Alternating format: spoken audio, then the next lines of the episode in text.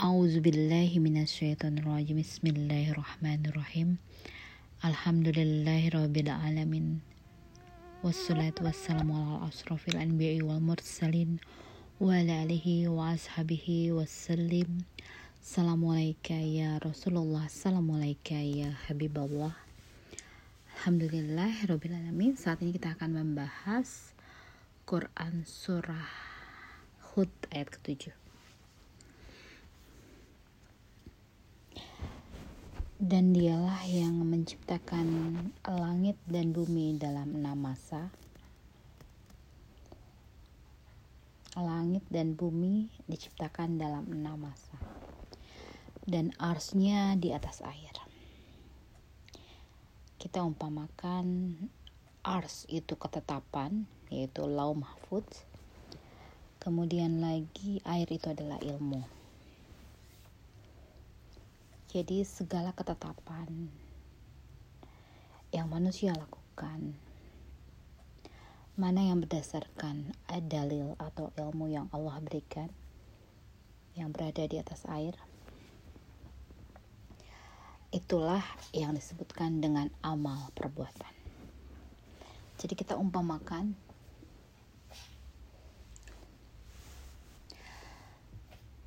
langit dan bumi. Segala sesuatu yang Allah ciptakan dalam enam masa. Di mana jasad ini yang akan kembali kepada bumi apa yang berasal dari langit akan kembali kepada langit. Akan kembali ke langit. Maksudnya demikian. Apa yang Allah ciptakan dengan bumi dan langit ini jasmani dan rohani ini bagaimana jasmani dan rohani ini Allah uji dari sedemikian jasmani dan rohani yang Allah ciptakan kita ketahui jasmani adalah tentunya benda mati tanpa adanya rohani. Bumi tanpa langit bagaikan hanyalah benda mati yang tidak hidup. Apa yang berada di langit? Bagaimana ars berada di atas air? Bagaimana ilmu dan segala ketetapan atas segala perbuatan yang manusia lakukan? yang berdasarkan ilmu yang Allah berikan atau dalil bagaimana manusia ini diuji siapakah di antara kalian atau kamu yang lebih baik amalnya ya lebih baik amalnya bukan lebih banyak lebih baik banyak itu percuma tapi yang lebih ditekankan di sini adalah baik yang lebih baik amalnya. Bagaimana kita Allah berikan paham atas ilmu yang Allah berikan. Bila ilmu yang Allah berikan atau dalil yang menyertai amal ini Allah berikan pemahaman yang sungguh luar biasa, maka Allah akan berikan bentuk amal perbuatan pun akan menjadi luar biasa, tentunya sesuai dengan yang Allah kehendaki. Segala rangkaian ini tentulah Allah yang berkehendak. Pemahaman yang baik mudah-mudahan menjadikan amal perbuatan yang baik pula.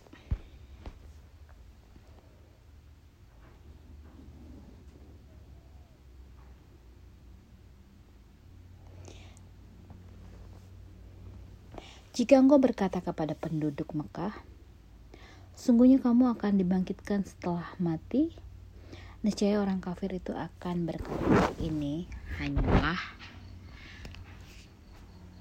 ini hanyalah sihir yang nyata.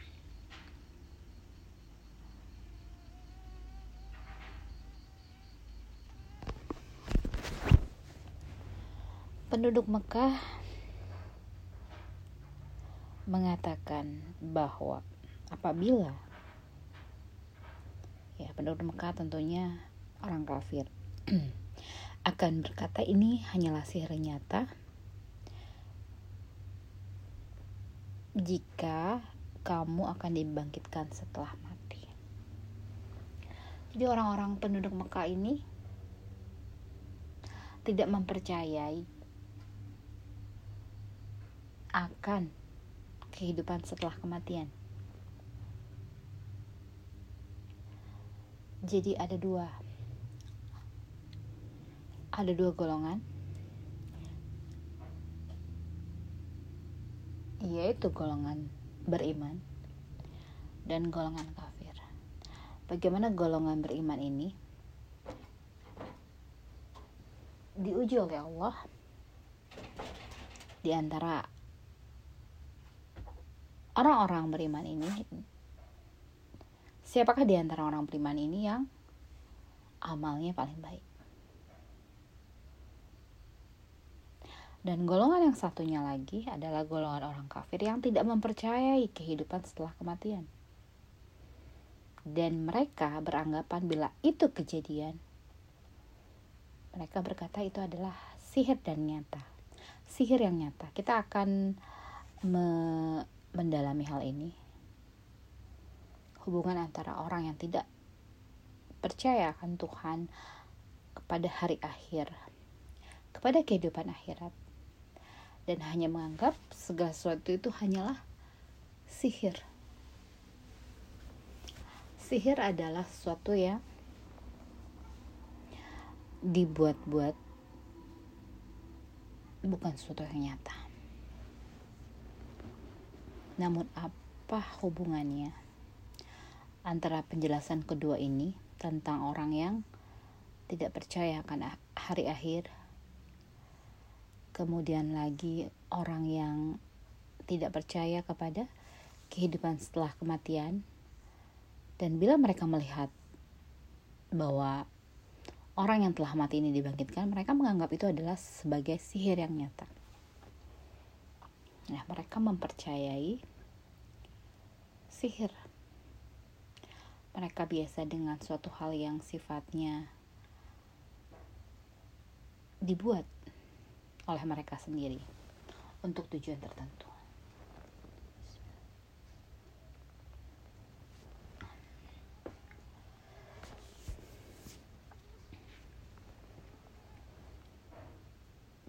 Ya, kita akan membahas dua hal ini. Bagaimana dua hal orang yang beruntung dan orang yang merugi, orang yang beriman dan orang yang kafir?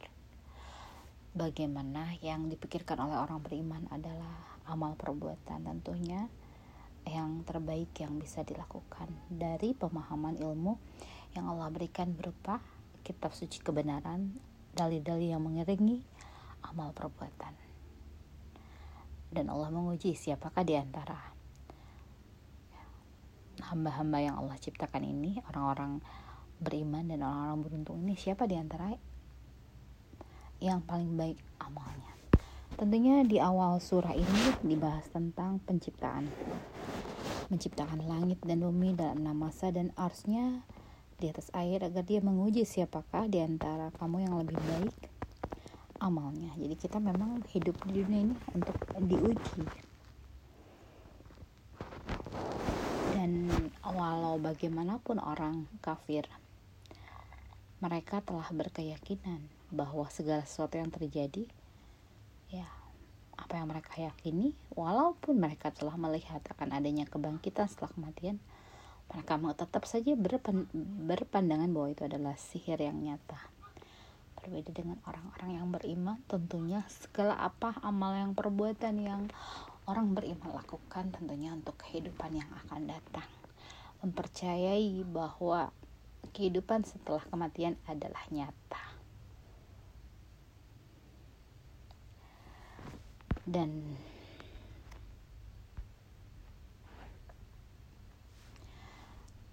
dan Allah menciptakan langit dan bumi dalam enam masa. Tentunya segala sesuatu ya untuk mencapai ya tentunya melalui sebuah proses perjuangan. Dan bagaimana yang kita butuhkan adalah ilmu. Tentunya Allah berikan kita untuk memahami apa yang Allah berikan berupa ilmu ini. Dan Allah mudah-mudahan bisa mewujudkan apa yang kita pahami dari ilmu yang kita dapatkan ini sebuah amal perbuatan yang tentunya baik tergantung dari ya tadi hubungan antara uh, pemahaman dan hasil dari memahami sehingga melahirkan perbuatan. Ya sudah bisa dicerna kedua hal ini, mudah-mudahan bisa dipahami tentang bagaimana Allah menciptakan langit bumi jasmani dan rohani. Air berupa ilmu yang Allah berikan kepada kita untuk mendampingi amal. Dan ke semua ini tentunya ada maksud dan tujuannya. Siapa di antara yang Allah berikan paham ini ya bisa beramal yang terbaik yang bisa dilakukan. Kemudian lagi tentunya untuk tujuan kehidupan setelah kematian Subhana rabbika izzati amma yasifun wassalamun ala mursalin walhamdulillahi rabbil alamin Wabillahi taufiq wal hidayah. Assalamualaikum warahmatullahi wabarakatuh. Allahualam bisawab. Segala kebaikan, cahaya terang berasal dari Allah. Segala hilap dan salah mohon dimaafkan.